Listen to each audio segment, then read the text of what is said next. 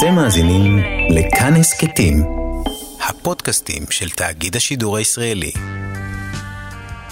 ספיישל של חצות, תוכנית הספיישלים של כאן 88. לילה טוב, לילה טוב, אתם על אה, ספיישל של חצות, באולפן אייל שינדלר. היום אנחנו חוזרים בדיוק 30 שנה לאחור, אל רגע מכונן, שבו הכל השתנה, להקת Jane's Addiction מוציאה את האלבום Ritual de lo Habitual, טקס ההרגלים בעברית, במקור בספרדית. האלבום שהביא את הרוק האלטרנטיבי למרכז הבמה בארצות הברית.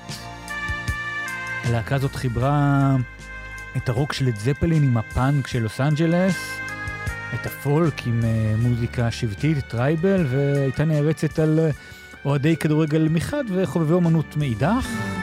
בהופעות שלהם היה משהו שהזכיר פולחן דתי, כשפרי פריל הוא הנביא שנושא את uh, דברו בהתקף אקסטטי. בהמשך, פרי פרל סולן ההרכב נתן להרכבי האינדי והאלטרנטיב במת אצטדיונים להופיע, להופיע עליה, עם פרי מוחו הפסטיבל הנודד לולה פלוזה. שבעצמו משך תשומת לב תקשורתית לג'אנרים האלה, הוכיח שיש להם קהל נאמן. כשהלהקה הזאת יצאה לדרך, Jane's Addiction, אה, מבקר האומנות של מבקר המוזיקה של ניו יורק טיימס, התקשה למצוא הגדרה לג'אנר החדש של רוק שהם ניגנו, היה ברור שזה לא מטאל, אבל השילוב הזה של רוק כבד, פאנק, רגאיי עם השפעות אתניות ושבטיות ונגיעות ארט רוק היה משהו חדש, הקהל והמאזינים אה, התמכרו לחוויה הזאת. קשה להאמין עד כמה המשמעות שלהם בזמן אמת הייתה גדולה. חברי הלהקה כתבו ברית חדשה לכנסייה שבה האמונה התבססה על ספק. המוזיקה שלהם ריפה פצעים, ספיישל של חצות, חוגגים 30 שנה לאלבום של Jane's Addiction, Ritual de lo Habitual. Nosotros tenemos más influencia con sus hijos que tú tienes, pero los queremos. creado y regado de Los Ángeles. Juana's addiction.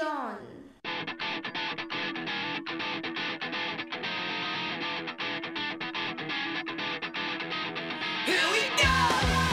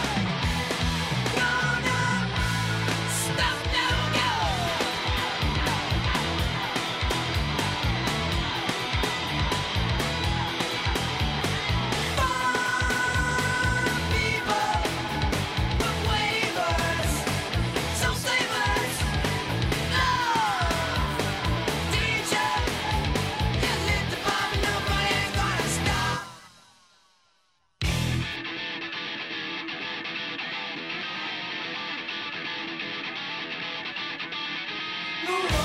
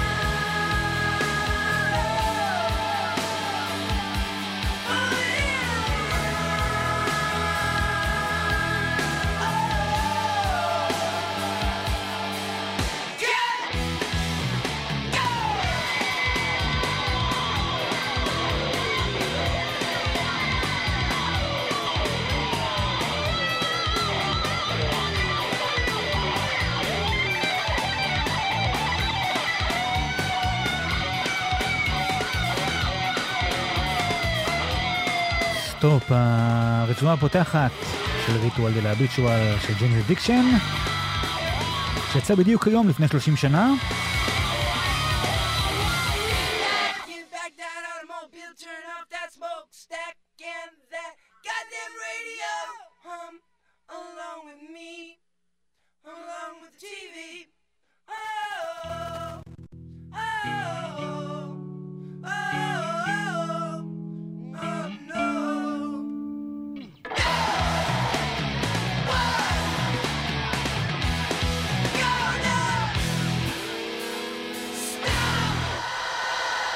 נדבר קצת על הרקע לכל הדבר הזה. אנחנו מדברים על סוף שנות ה-80, אה, ברוק האמריקאי. הדבר הכי גדול בסביבה זה Guns N' Roses. בגדול, אם נסתכל על הרוק היותר אלטרנטיבי, אז היו הרכבי פופ אלטרנטיביים, כמו They Might Be Giants, הרכבי noise rock, כמו Sonic Youth, שהיה עליו ספיישל של חצות לא מזמן. היה רוק תעשייתי, כן, Nine Inch Nails ואחרים. וברגע ש Jane's Addiction אה, הגיעו והוציאו אלבומים מסחריים שגם הצליחו, הייתה ההתפוצצות, והגיעו הפיקסיס מבוסטון והגראנג' מסיאטל, וכמובן, גם היה את הבריטפופ אה, מעבר לים באנגליה. ההרכב הראשון שפרי פרל היה חבר בו בתחילת שנות ה-80, אמצע שנות ה-80, היה Psi Com, יחד עם אה, וינס דורן, קלי ווילר ואהרון שרר, הרכב פוסט-פאנק שהזכיר קצת את ג'וי דיוויז'ן, במיוחד בדרך שבה פרי פרל שר. הנה Psi Com עם Ho Ka Hey.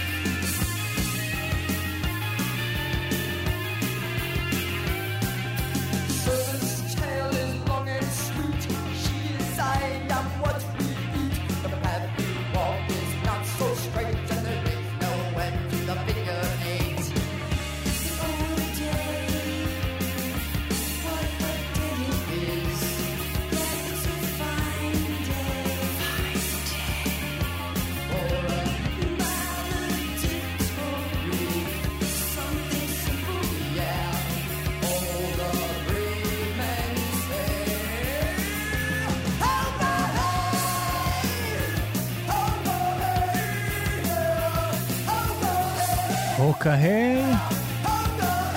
סייקום, ההרכב הראשון של פרי פרל, שנת 85.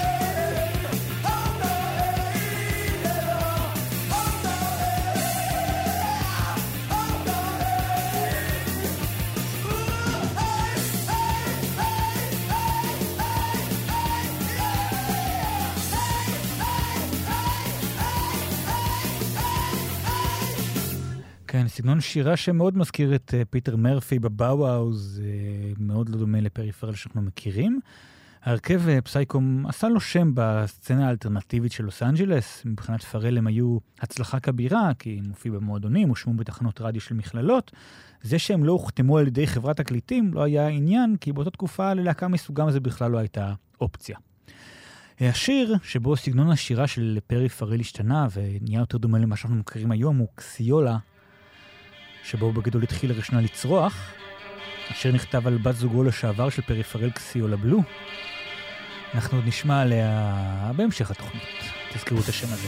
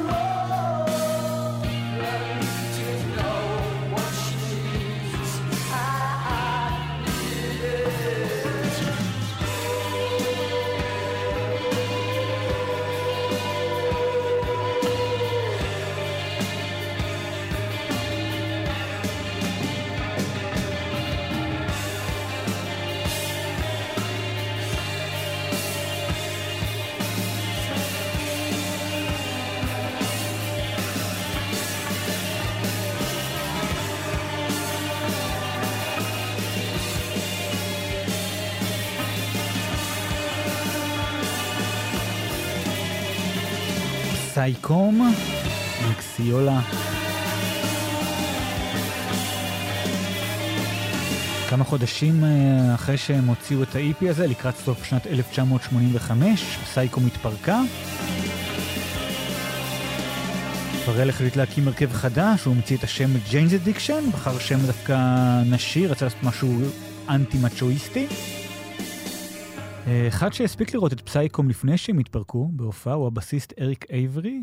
פרי פרל התחיל לחפש נגנים, פרסם מודעה, ואייברי ראה את המודעה, אה, הכיר את הבחור, וניגש לאודישן, עבר את האודישן. גם מתופף סטפן פרקינס עבר אודישן, ודרך חבר של חבר, הם הגיעו לגיטריסט הצעיר, אז בן 18, דייב נברו. פרל אגב היה אז בן 26, כל שאר החברים באזור ה-18 עד 22 ככה. די מהר הם נכנסו לאולפני רדיו טוקיו בווניס, לוס אנג'לס, והקליטו דמו. מתוכו זה Pigs in Zen, גרסה מאוד ראשונית של Jane's Addiction.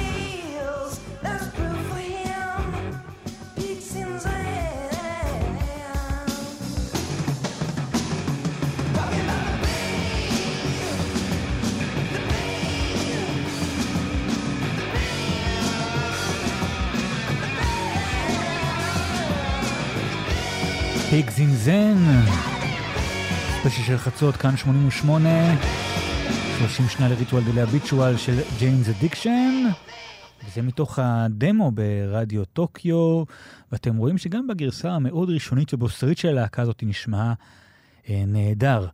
אה, נדבר טיפה על ההשפעות שלהם. דייב נברו סיפר שההשפעות שלו, הגיטריסט דייב נברו, סיפר שההשפעות שלו היו בעיקר ג'ימי הנדריקס, בגלל השליטה שלו בצוואר גיטרה, היכולת לנגן ליווי וסולו בו זמנית, וגם הוא מאוד אוהב את ג'ימי פייג' ו Led Zeppelin, בגלל העבודה באולפן, כל השכבות של הגיטרות שהם הקליטו. הוא גם אהב את הסגנון המינימליסטי של רוברט סמית מהקיור, אבל אז הוא פגש לדבריו את פרי פרל, שלימד אותו לחשוב בצורה אנטי-גיטריסטית, תוך כדי שהוא עדיין מחזיק גיטרה. המתופף, סטיב פרקינס, גדל על AC/DC ומטאל, אבל בגיל 17 הוא הוסיף לסט התופים שלו זוג תופי בונגוס, וזה שינה לדבריו את הנגינה שלו. הוא אומר שהוא התחיל לנגן בסגנון הריתמי של הבונגוס על כל הסט תופים. הבסיסט, אריק אייברי אהב בנעוריו את Yes ולהקות פרוגרסיב אחרות, ובהמשך הוא עבר לשמוע את Joy uh, Division ואת Echo and the Bunnymen. האהבה שלו לג'וי דיוויז'ן ואת אנרגראונד גם חיברה אותו לפרי פרל. פרל בעצמו העדיף פאנק ומוזיקה שחורה, מוזיקה אפריקאית, הוא העדיף את כל אלה על פני רוק. השילוב שלו עם שלושת הרוקרים הוא מה שיצר את הקול המיוחד של Jane's Addiction. אם נחבר לזה גם את האהבה של פרי פרל לשירה, poetry ואומנות, אז, אז זה גם יסביר את המשיכה של המבקרים והקהל היותר מתוחכם ללהקה הרועשת. דייב נברו סיפר שזה היה הרכב של ארבעה חברים שלא היה ביניהם קשר מוזיקלי. הם אהבו דברים שונים וממש שנאו את מה שהשני אהב בחלק מהמקרים. כל אחד ניסה למשוך לכיוון אחר, ונברו ניצל את אה, כור ההיתוך הזה של הסגנונות ויצר אה, להקה. פרי פרל ניצל את כור ההיתוך ופרי פרל ניצל את כור ההיתוך הזה של הסגנונות ויצר להקה שלא נשמעה כמו שום דבר אחר עד אז. הדבר היחידי שחיבר בין פרל לנברו, למשל, היה האהבה לאפקט הדיליי, האקו, אקו, אקו. זה Had a Dad, גם מתוך הדמואים של רדיו טוקיו, Jane's Addiction.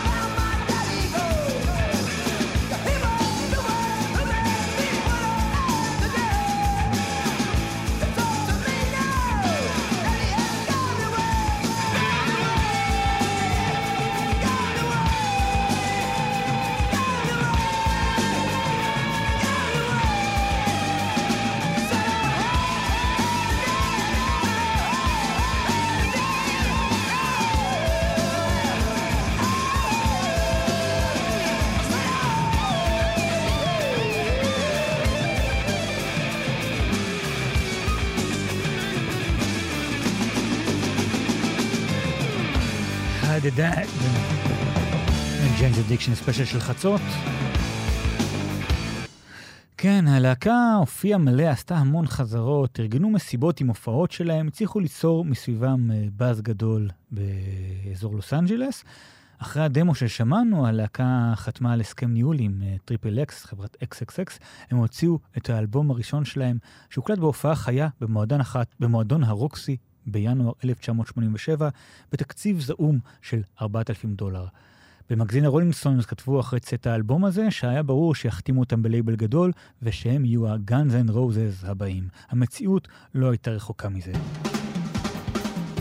הנה הרצועה הפותחת של אלבום ההופעה הראשון של Jane's Addiction, Trip Away.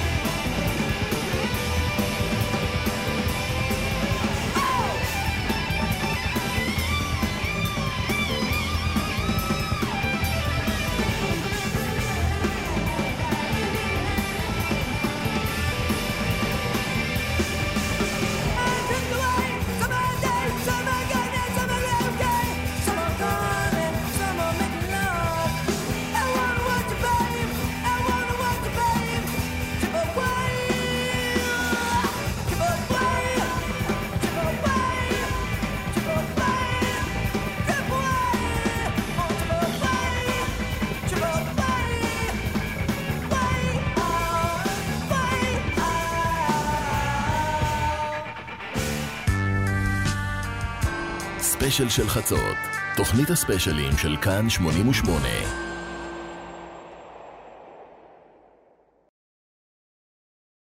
אנחנו חוגגים 30 שנה לאלבום Ritual de lo Habitual של Jane's Addiction, אחרי שהם uh, הוציאו את אלבום ההופעה ב-1987, כמה לייבלים גדולים רצו להחתים אותם, והם הלכו עם Warner Brothers, לא כי הם הציעו הכי הרבה כסף, אלא כי הם הסכימו לתת ללהקה חופש אומנותי מלא בנוגע להפקת המוזיקה, הקליפים והעטיפות. היה להם מאוד חשוב לא למכור את עצמם.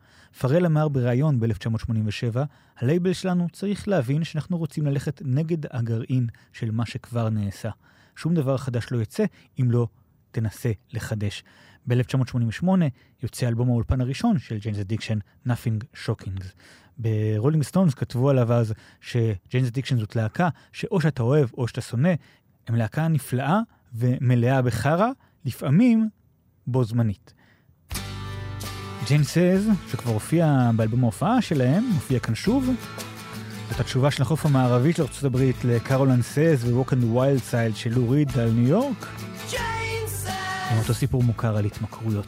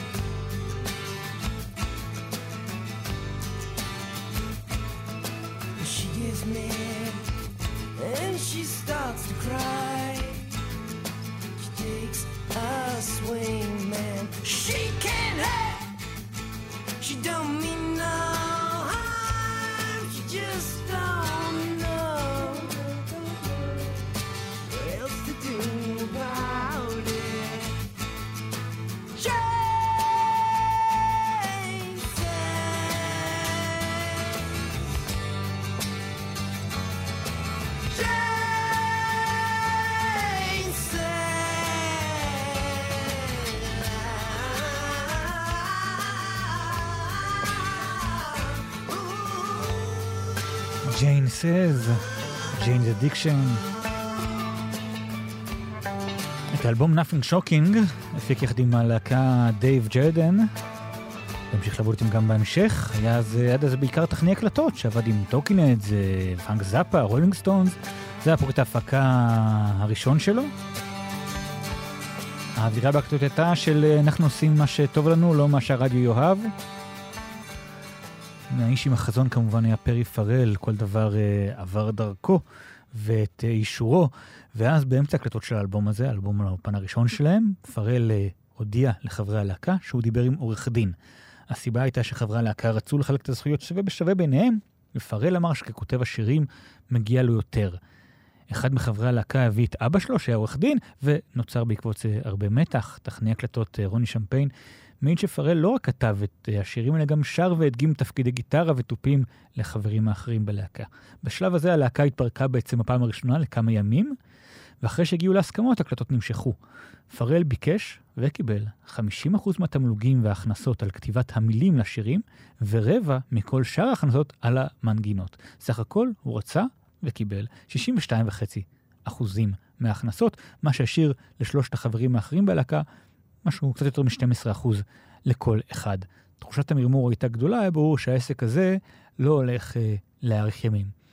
בכל מקרה, כשחברת התקליטים, וורנר, שמעו את ההקלטות, הם הרגישו שיש להם ביד את ה-Led Zeppelin או ה-Guns and Roses הבאים. הציפיות היו גבוהות. השילוב של הלהקה בין פאנק למטאל גרם למגזיני המוזיקה להכתיר אותם באמת כיורשים של לד זפלין. הנה עוד אחד מאותו אלבום, Standing in the Shower. Thinking. בשל חצות.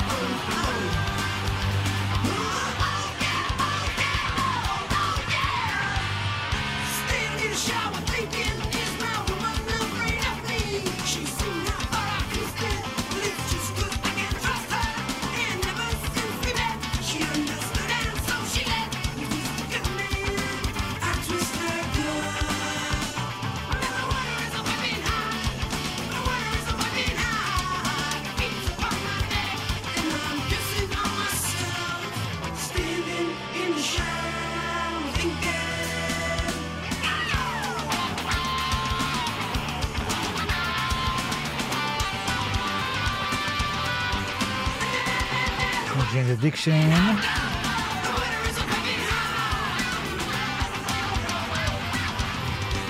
ההרכב יצא אחרי את האלבום לסיבוב הופעות.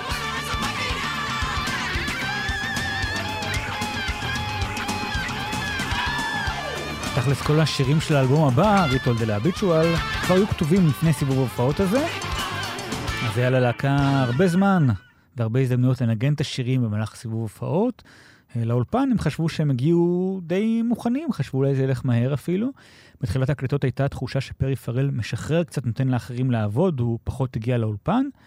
התחילו להקליט תופים ובאס, ואחרי עשרה ימי הקלטות פרל הקשיב והודיע שזה לא הכיוון שהוא מחפש, וההקלטות עצרו לכמה חודשים.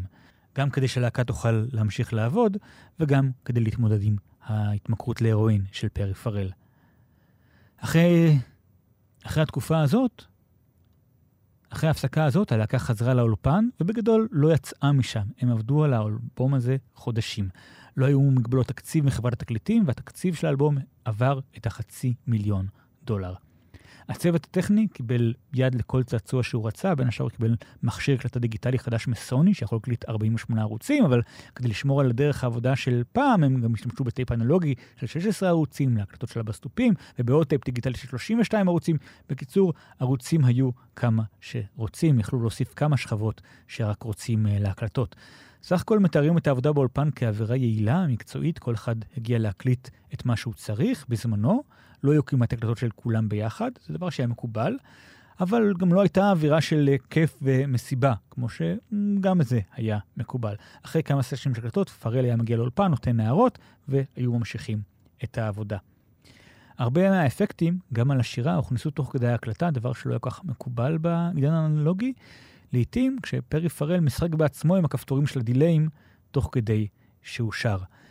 את הרצועה הפותחת של האלבום Stop אה, כבר שמענו, בגרסת האלבום בהתחלה, אז בואו נשמע אותה בגרסת אה, הדמו שלה, שהם הקליטו בזמן ההכנות לעבודה על האלבום.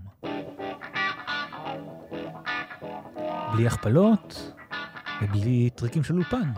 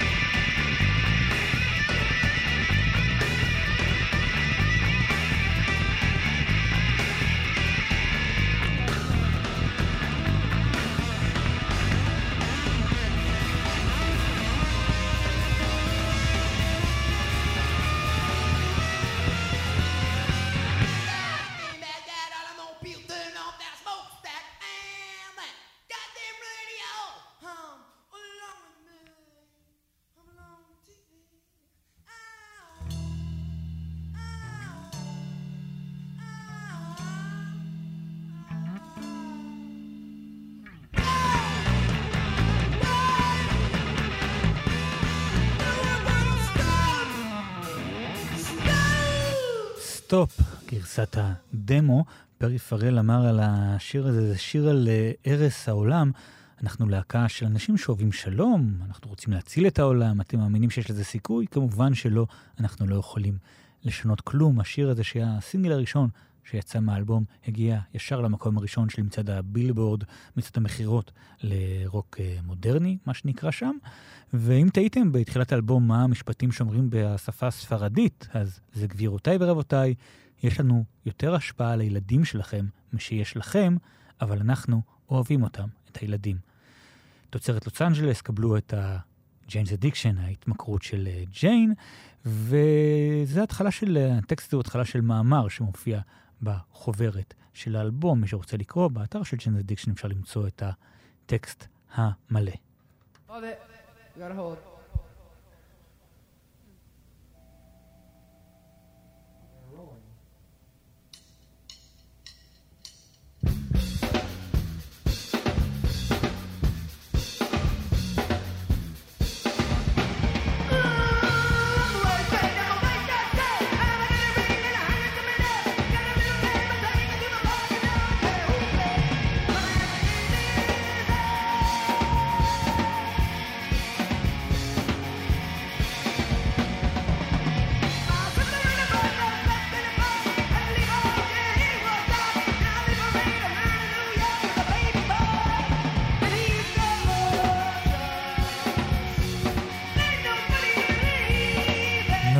Living, זוהי גרסת הדמו של השיר, שיר שנכתב כבר בשנת 1985.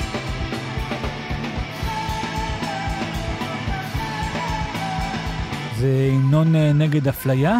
פרל הציג את השיר באחת ההופעות ככה, אמר אתם יכולים ללכת לשנוא את מי שאתם רוצים, אבל כמו שאני רואה זה אף אחד לא הולך לעזוב.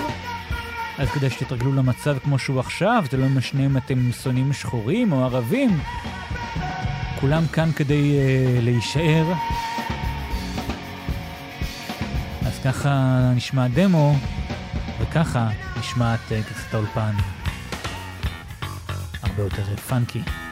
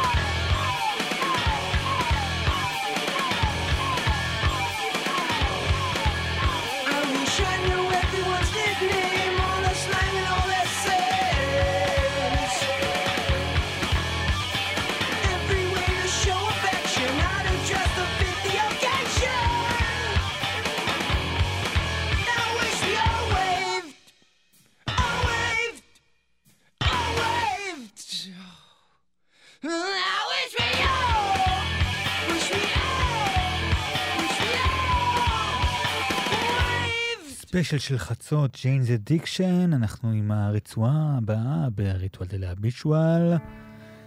שוב בגרסת הדמו. זה Ain't No Right, אחד השירים הקשים באלבום, שיר שנכתב כבר ב-1985. מתחיל עם שורות מחווה ל Sex and Drugs and Rock n' Roll של יאן דיורי. שיר על כאב ופגיעה עצמית.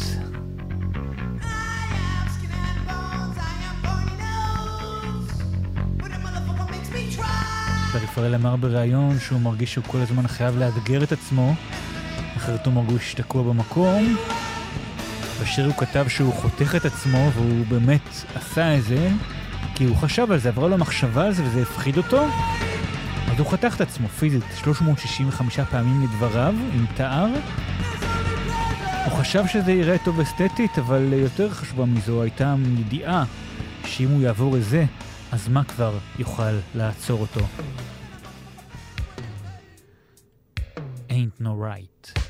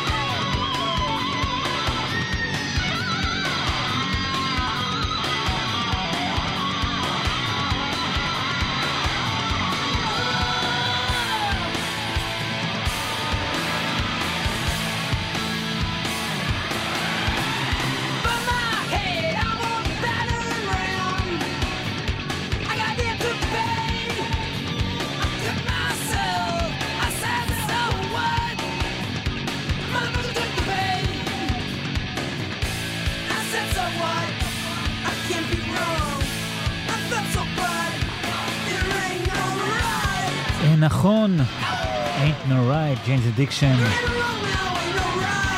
כאן 88, ספיישל של חצות.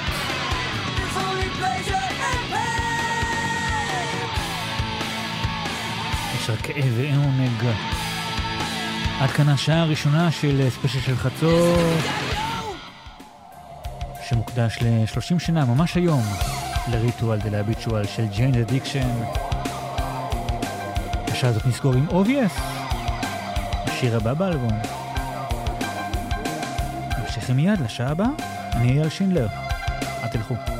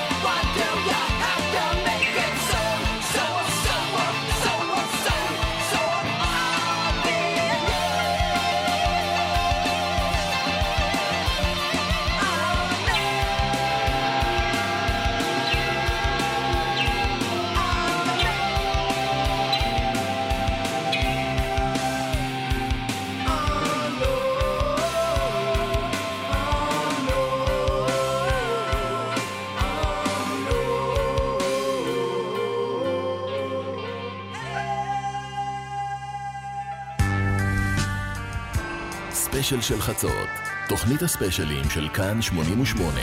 כן, פותחים שעה שנייה של ספיישל של חצות, 30 שנה ל Ritual de lo Habitual של ג'יינס אדיקשן, ואנחנו מגיעים ללהיט הכי גדול של האלבום הזה, Been Caught Stealing. כשהשיר הזה יצא כסינגל, אז האלבום כבר היה במעמד של אלבום זהב, אבל השיר הזה התפוצץ ממש, הוא שעה ארבעה שבועות בראש מצעד המכירות של הבילבורד לרוק, והקליפ היה במשך שבועות רבים השיר הכי מבוקש בתוכנית הבקשות של MTV, דייל MTV, זוכרים את זה? הקשישים שבינינו? קשה להסביר עד כמה ההפקה המוזיקלית כאן מורכבת, כמה שכבות של גיטרות יש, למשל, יש רק שלוש שכבות של גיטרה חשמלית Unplugged, כלומר שהקליטו רק את הצליל של הפריטה על המיתרים. והשיר מתחיל בקולות של אה, משחק עם כלב ונביחת כלבים, זו עוד איזו תאונה משמחת ולא מתוכננת ממש, היה כלב באולפן, ופרי פרי נכנס איתו לתא ההקלטה, שיחק איתו, הקליטו, וזה מה שיצא.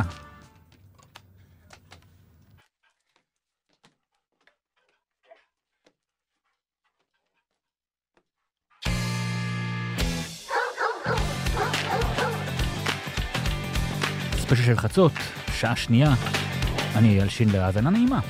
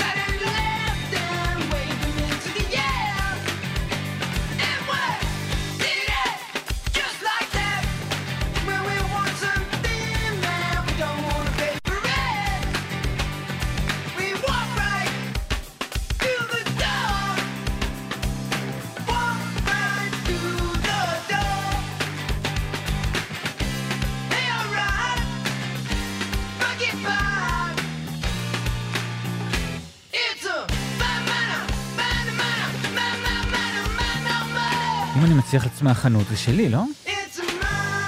ככה זה עובד. אוקיי, ככה נגמר החלק הראשון של האלבום ריצ'ול דה להביטשואל, ובאמת יש לו שני חלקים מאוד מאוד מופרדים, החלק השני הוא הרבה יותר כבד, הרבה יותר מלנכולי.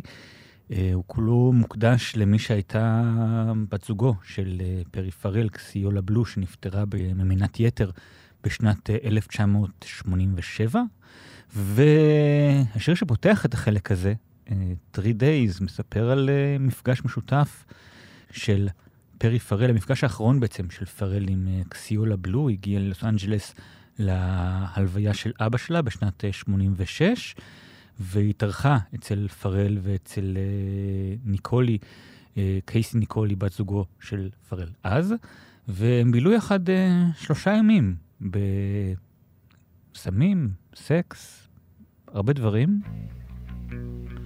וזה הדמו, לא נשמע את כולו, זה הדמו של 3 Days. נשמע קצת ממנו ונדבר על השיר הזה עוד קצת.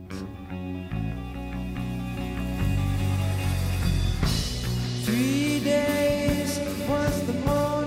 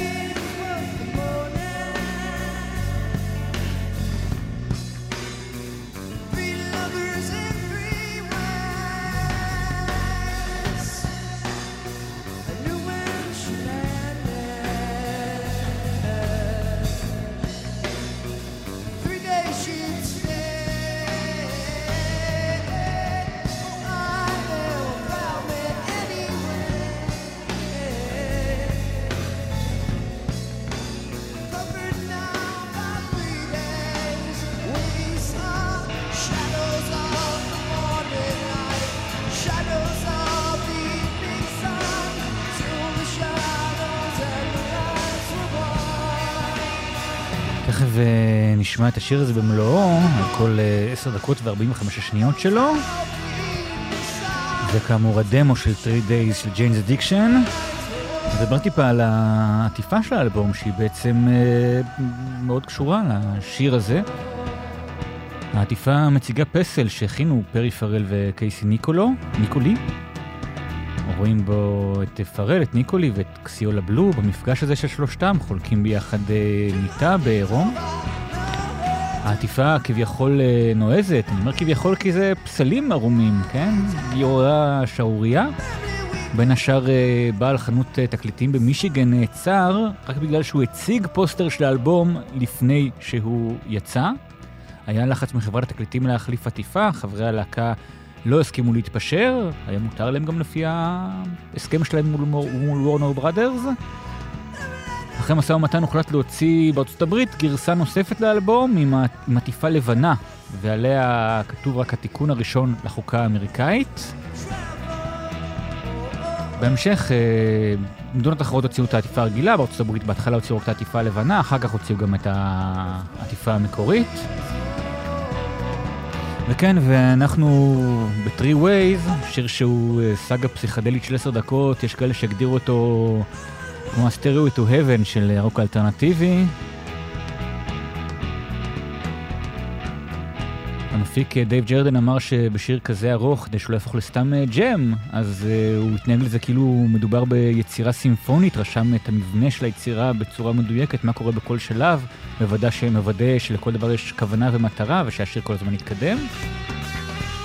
בשיר עצמו, הסולו האדיר של דייב נברו, הוקלט בטייק הראשון, הטייק הראשון שהוא הקליט של הסולו, הוא אמר שהוא מאוד אוהב להשקיע זמן בעיצוב הסאונד של הגיטרה וכמה שפחות זמן בטייקים ובנגינה עצמה, אם יוצא משהו טוב, פשוט uh, ללכת איתו. וכמה שכן, ג'יינס אדיקשן הם להקת רוק, יש בשיר הזה לא מעט uh, אלקטרוניקה, טכנולוגיה מתקדמת של uh, התקופה, של 1990. שימוש במחשבים, ערוצי MIDI וקלידים, חלק מנגינת התופים נדגם למחשב ונוגן מחדש באופן דיגיטלי כדי לגרום לטיפול, לטיפוף להישמע יותר uh, רובוטי. וכן, וזה מה שיש להגיד על השיר הזה, ובואו פשוט נשמע אותו במלואו, 3 Days, Jane's Addiction.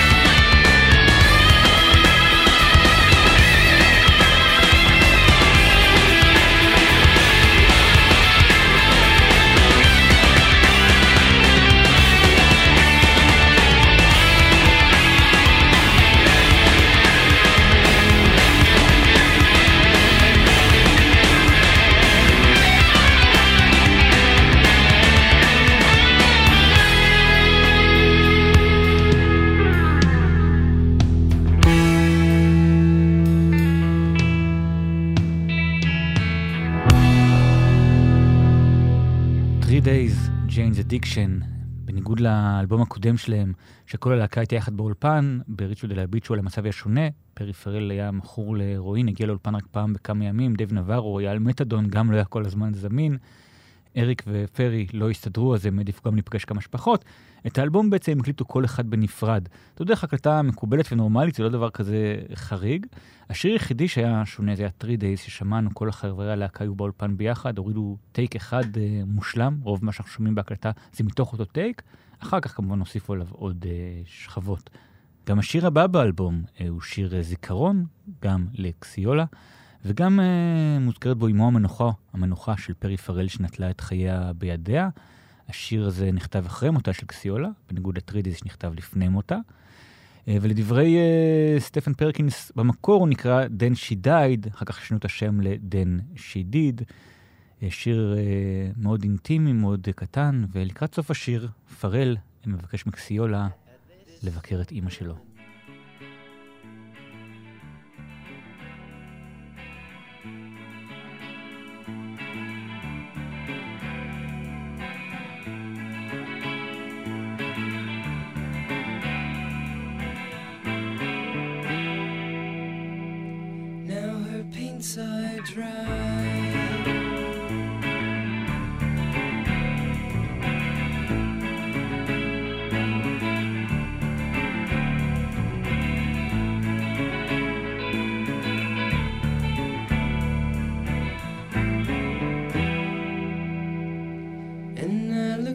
outside.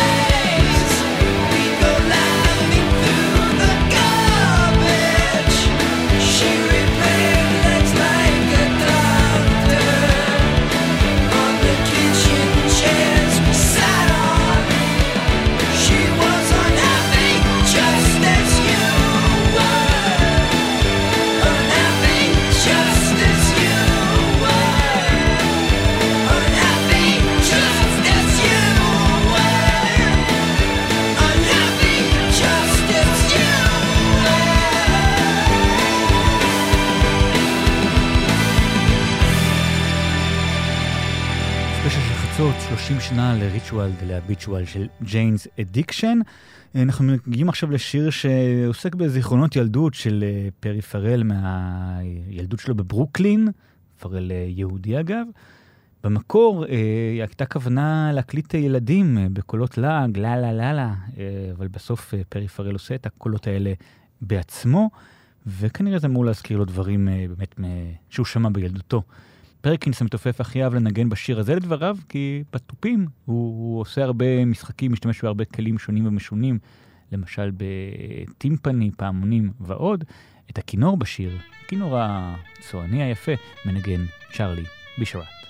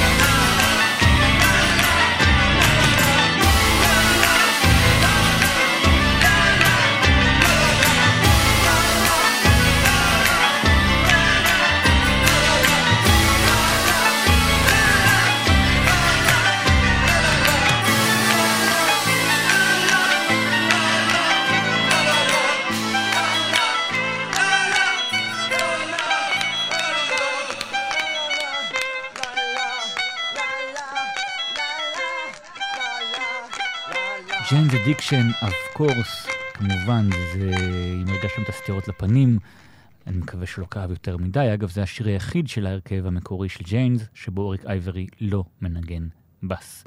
השיר שחותם את Ritual de lo Habitual, השיר שסוגר את האלבום הזה, הוא Classic Girl, שיר אהבה לבת זוגו העכשווית של פרי פרל, קייסי ניקולי, שגם עיצבה איתו את העטיפה של האלבום.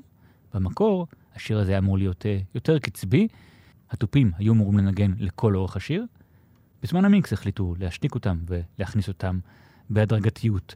גם השיר הזה יצא כסינגל, הגיע למקום החמישי במצעד הרוק של uh, בילבורד, ועם המילים שהם קצת המנון של דור, בשבילכם אולי היו ימים, היו זמנים, בשבילנו הימים הם כעת.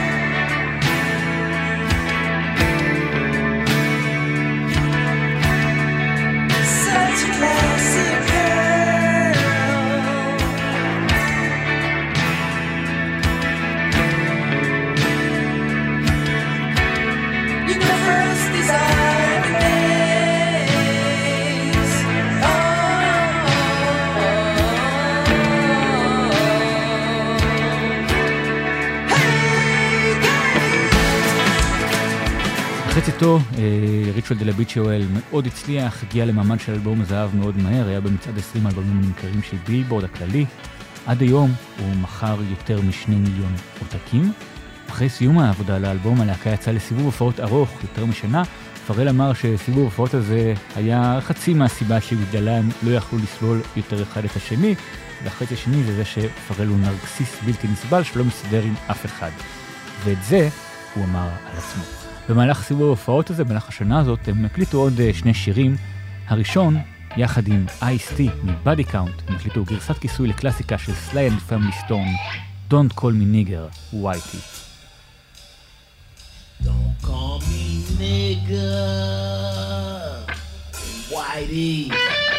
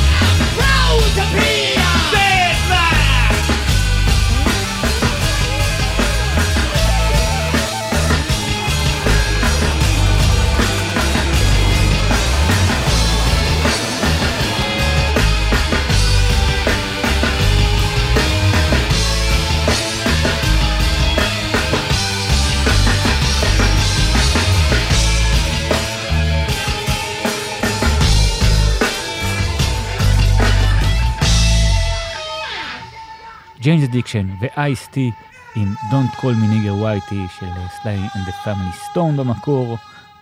עוד גרסת כיסוי שהם הקליטו באותה תקופה היא לאלבום מחווה לגרייטפול דד, חשוב לציין שגם פרי פרל וגם פרקינס היו Dead Heads לא קטנים, והם הקליטו את Ripple. לקראת סוף השיר יש ציטוטים מעוד שני שירים של ה-Dead, The Other One ו-The Bird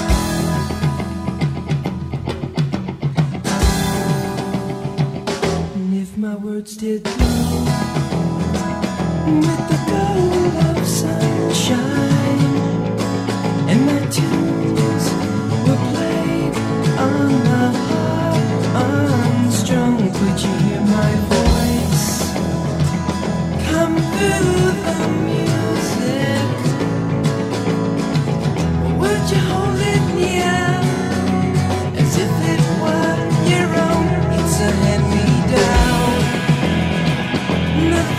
sun.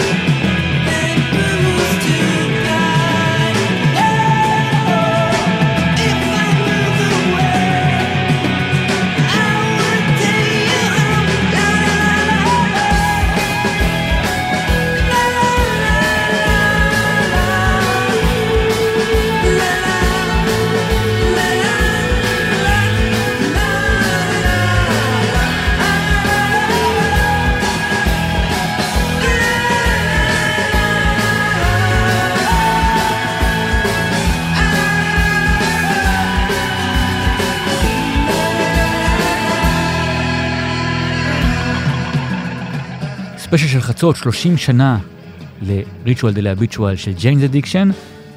במהלך אה, סיבוב הופעות הארוך של האלבום, פרי פרל הודיע שתי הודעות דרמטיות. אחת, על הקמתו של הפסטיבל האלטרנטיבי הנודד לולפלוזה, פסטיבל שהמשיך להתקיים עד 2012, והשנייה, על זה שהלהקה, ג'יינס אדיקשן, תתפרק בסוף סיבוב ההופעות. בראיונות חלק מחברי הלהקה טוענים שהרעיון לפרק את הלהקה הגיע מפרל, חלק טוענים שהם רצו בכך. בכל מקרה, סיבוב ההופעות בלולה פלוזה היה דרמטי, לווה לא פעם במתחים על הבמה, מאחוריה גם קצת אלימות, עזיבה וחזרה של חברים בלהקה, ובעיקר אה, בעיות סמים. נברו ואייברי ניסו להיגמל, וזה היה קשה בסביבת הטור הזאת.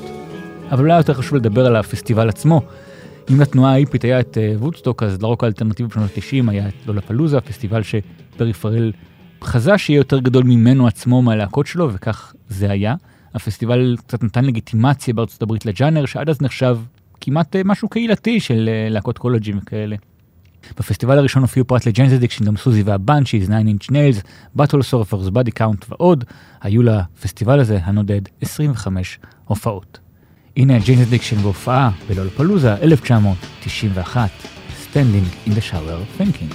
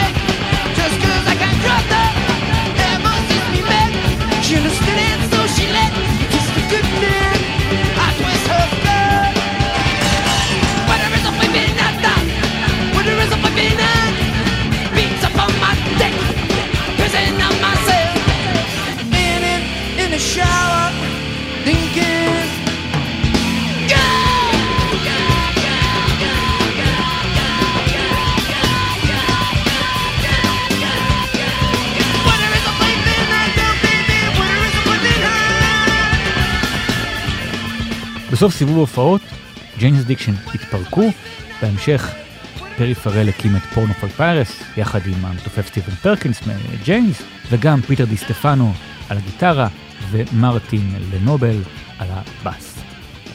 דייב נברו ב-1993 החליף את ג'ון פרושיאנטה ברד הוט צ'ילי פפרס, ונברו ופלי מרד הוט אפילו התארחו בהקלטות אחד השירים של פורנו פור פיירוס, פרי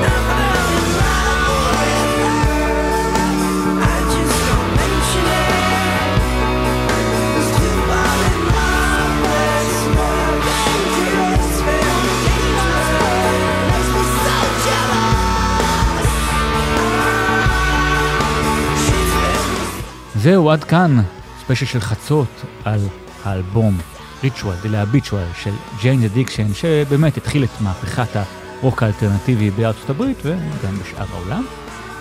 אני אייל שינדלר, מקווה שנהניתם. אנחנו נסיים עם גרסת הרמיקס של Been Caught Stealing של ג'יינס אדיקשן. גרסה שמה שבעיניי יפה בה, שאפשר לשמוע בה חלק קטן מתוך עשרות התפקידים ושכבות הגיטרה שהוקלטו לשיר, אפשר לשמוע אותם קצת בצורה יותר uh, מבודדת. כאן 88, ספיישל של חצות, מאחלים לכם לילה טוב.